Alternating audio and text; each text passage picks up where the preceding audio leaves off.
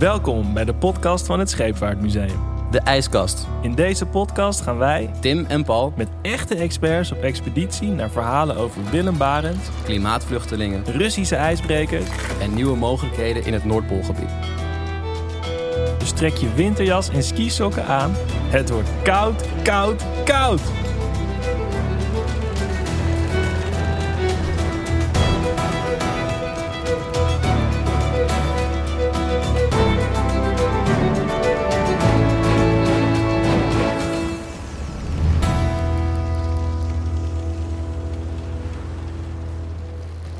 We gaan het hebben over het waterschap. Ja, en Tim, volgens mij kennen we dat alleen maar omdat we daar belasting over moeten betalen en ook af en toe een eh, verkiezing hebben.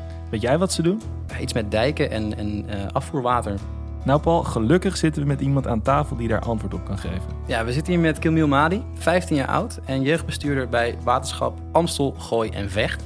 En op zich best bijzonder dat hij dat is, eh, terwijl hij 15 is hè? Ja, dat is vrij jong om dit soort dingen te doen. Dus wat doet dan eh, een jeugdbestuurder eigenlijk? En kan hij ook zorgen dat we droge voeten houden?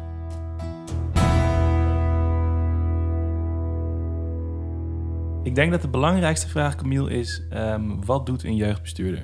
Nou, een jeugdbestuurder is vooral eh, aanwezig op evenementen omtrent water, duurzaamheid en eh, klimaat. Om daar eigenlijk de stem van de jeugd te vertegenwoordigen. En eh, te laten zien dat wij eh, er eh, ook mee bezig zijn. eh. Dat wij de toekomst zijn. ja, wij zijn de toekomst. Dus, Nou, Camille, denk ik. Tim, wij niet zozeer meer. We zijn al oud en versleten. Ehm, en hoe, hoe kom je daarbij?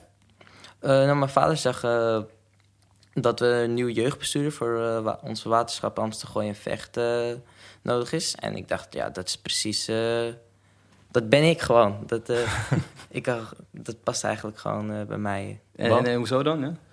Ja, mm, water. Ik was sowieso al eh, echt eh, met water bezig. Eh, zwemmen, watersporten. Ik eigenlijk, en presenteren, dat is eigenlijk ook wel eh, bijna een hobby geworden voor mij nu. ja, nice. En, en als je zegt dat je bent met water bezig ehm, in je dagelijks leven, hoe zit dat? Mm, ja, ik woon naast de Sloterplas. Een heel mooie plas. Daar ben ik eh, Amsterdam-West. vaak, ja, Amsterdam-West, eh, ben ik vaak eh, aanwezig. Dus eh, ja, ik denk dat dat eigenlijk eh, water is eigenlijk wel een grote rol eh, geworden in mijn dagelijks leven bijna. We hadden het net al genoemd, hè, het waterschap. Kan je kort uitleggen wat dat doet? En, en waarom het zo belangrijk is? Mm, Ja, een waterschap is vooral bezig met eh, dijken versterken, afvalwater zuiveren. En eigenlijk nog veel meer zodat wij eigenlijk hier gewoon in Amsterdam, wat eigenlijk relatief laag onder de zeespiegel zit, veilig kunnen leven, werken, wonen. Ja, en, en is het dan zo'n ding, als het goed gaat, merk je er niks van. En als het misgaat, ja, ja toch? Precies, dan eh, is het opeens eh, paniek. Ja, Terwijl eigenlijk de waterschap is daar nu al eh, heel erg fanatiek mee bezig. met de toekomst dan. Ja, met de toekomst. eigenlijk over 10 jaar, 50 jaar maken hun eigenlijk nu al eh, beslissingen daarvoor. Oké. En jij gaat, je bent nu jeugdbestuurder, maar je wil uiteindelijk daar gewoon bestuurder worden dan? Als je wat ouder bent. De directeur. Directeur, ja. Eh, grote baas eigenlijk. Nee. Maar ja, ja dat is, eh, voor de toekomst zou dat wel eh, heel, eh, heel vet zijn, maar eh, ik denk dat het nog wel... Nog een paar, nog een paar jaar. Want je zit ook, bedoel, je, je moet ook gewoon nog je school afmaken. Ja, zeker. Want daarom ben je ook, eh, bedoel, vandaag is er een schoolstaking. Dus kan je bij ons, eh, kan je bij ons zijn. Daar zijn wij heel blij mee met die schoolstaking. Ehm, maar wat doe je normaal gesproken dan? Zeg maar, als jij gaat werken voor waterschap. je bent vandaag de gast bij ons, maar wat doe je normaal gesproken? Ja, eigenlijk ben ik gewoon eh, aanwezig bij eh, evenementen. Wij organiseren zelf dingen omtrent water en duurzaamheid vanuit het waterschap. En daar ben ik dan eigenlijk aanwezig om een beetje de stem van de jeugd eh, te vertegenwoordigen. En kan je daar een voorbeeld van geven? Ja, een van de grootste dingen tot nu toe wat eh, onze waterschap in samenwerking met een ander waterschap heeft georganiseerd is eh, Battle of the Beach. Klinkt heel spannend. Ja, is Gaan mensen naar vechten op het strand? Of is dat... Nee, nee dan gaan ze, meer dan 500 basisschoolleerlingen komen dan eh, naar het strand toe om eh, zandkastelen te bouwen en eh, proberen hun zandkasteel zo lang mogelijk eh, heel te blijven terwijl het water eh, opkomt. Dus eigenlijk gaan ze in strijd met het water. oh, dat is, ja, dat is best wel is heel relevant, mooi, toch? symbolisch Ja. voor wat we aan het doen zijn hier. Ja. En eh, denk je dat deze mensen die dan die, die zandkastelen aan het bouwen zijn... Ja, moeten, die, moeten we daar advies aan gaan vragen wat we met Amsterdam moeten gaan doen? Mm, misschien op een andere manier. Eh, ik denk voordat hun ook naar ons toe kwamen, hebben hun ook gewoon een gastles eh, gekregen. En ook gewoon dat hun achterliggende informatie hebben. Dat ze niet denken van eh, we gaan lekker spelen op het strand. Dat is het ook hoor. Dat ze Het moet ook leuk zijn. Het moet, Ja. het moet zeker leuk zijn. Alleen wel dat ze weten van eh, we doen dit eigenlijk omdat eh, de zeespiegel stijgt. En we, we willen allemaal eh, hier in Amsterdam eh, willen blijven wonen en eh, werken en naar school gaan. Ja. Dus dat er wel gewoon eh, aan gewerkt moet worden. Maak jij daar wel eens een beetje zorgen over? Over Amsterdam en het water? Ja, eh, nu vooral omdat ik jeugdbestuurder ben, zie ik het ook misschien wel wat meer.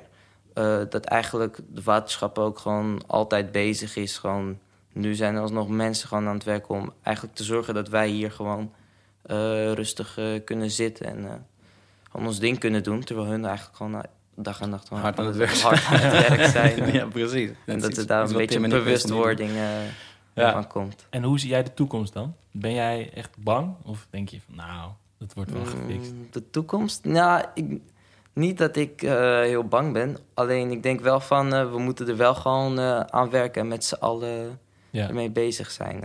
En, en doe jij zelf wel dingen anders sinds je hier bijvoorbeeld jeugdbestuurder bent? Ja, sinds ik jeugdbestuurder ben, is het wel echt van, ben meer echt aan het denken gewoon over van, oh, als ik nu dit doe, waar heeft dat allemaal invloed op? Wel even, je bent dus ongeveer nu, zeg, wat je wat je net zei, sinds de zomervakantie Ja. doe je dit. Dus eigenlijk in een vrij korte tijd ben je Ja. al veel bewuster geworden van eh, eh, milieu en water en dat soort, Ja. eh, dat soort werk. Dus die, die omslag Hey. kan snel gaan, zeg maar. En je bent 15, dus ook wel even goed om te realiseren, toch? Ja. Ik weet niet wat jij deed toen je 15 was. Nou, daar hebben we het vorig jaar ook al over gehad, Tim. Dat was niet heel veel. Ik was thuis lekker GTA te spelen toen ik 15 was. Ja. Nee, kijk, dat soort dingen doe ik natuurlijk ook gewoon. Laten we wel wezen, ja. Ja, wat, wat, eh, hoeveel, ja, hoeveel tijd ben je hiermee bezig? Want je hebt gewoon een druk leven, denk ik. Je hebt gewoon dingen te doen. GTA spelen bijvoorbeeld. Ja. nou, het is, al, het is eigenlijk mm, een paar keer, aantal keren per eh, maand. En het verschilt ook wel. De ene maand doe je wat meer eh, dan, de andere, dan de andere keer. Maar het is niet dat je, geen, het niet dat je eh, net een burgemeester geen tijd of... eh, Je, moet, Tweede je Kamer. kan wel gewoon Je combineren. kan het het gewoon hard werken, maar je met kan je het wel, eh, eh, en, plaatsen. Wat kunnen Tim en ik doen en de luisteraars van deze podcast? Want jij bent hier heel erg mee bezig. Wat, eh, wat denk jij van, nou, dit is een handig, praktisch advies. Als wij straks de deur uitlopen, wat gaan wij doen? Nou, misschien sowieso dat jullie dan eh, weten gewoon van... dat er gewoon altijd bezig is om de dijken te versterken... en dat de waterschap er daar gewoon altijd mee bezig is. Ja. Mm, ja, misschien bewustwording daarvan. En eh, wat kunnen jullie specifiek doen?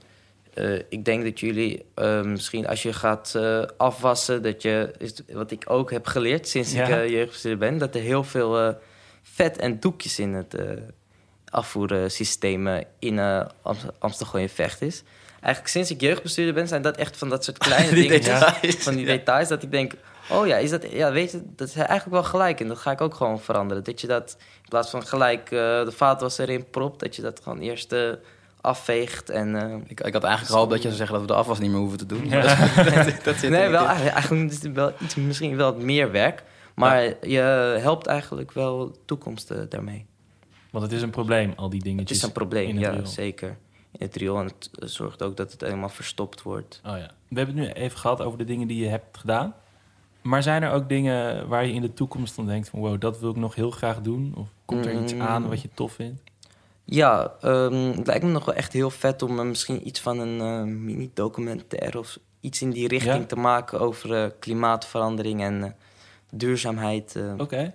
Zo, echt zoiets lijkt me wel echt vet om een keer... waarom een mini-documentaire? Want volgens mij heb jij wel gewoon de skills om een... eh, lange gewoon een goede, documentaire. ja, een lange Ja, documentaire ik dacht, eh, we zetten klein, maar eh, we zetten klein. ja, een hele documentaire in de bioscoop gelijk. Ja. Gewoon echt een grote eindproject, soort van. Ja. Om, eh, Want, want, want waarom dan over duurzaamheid? Waarom vind je dat belangrijk?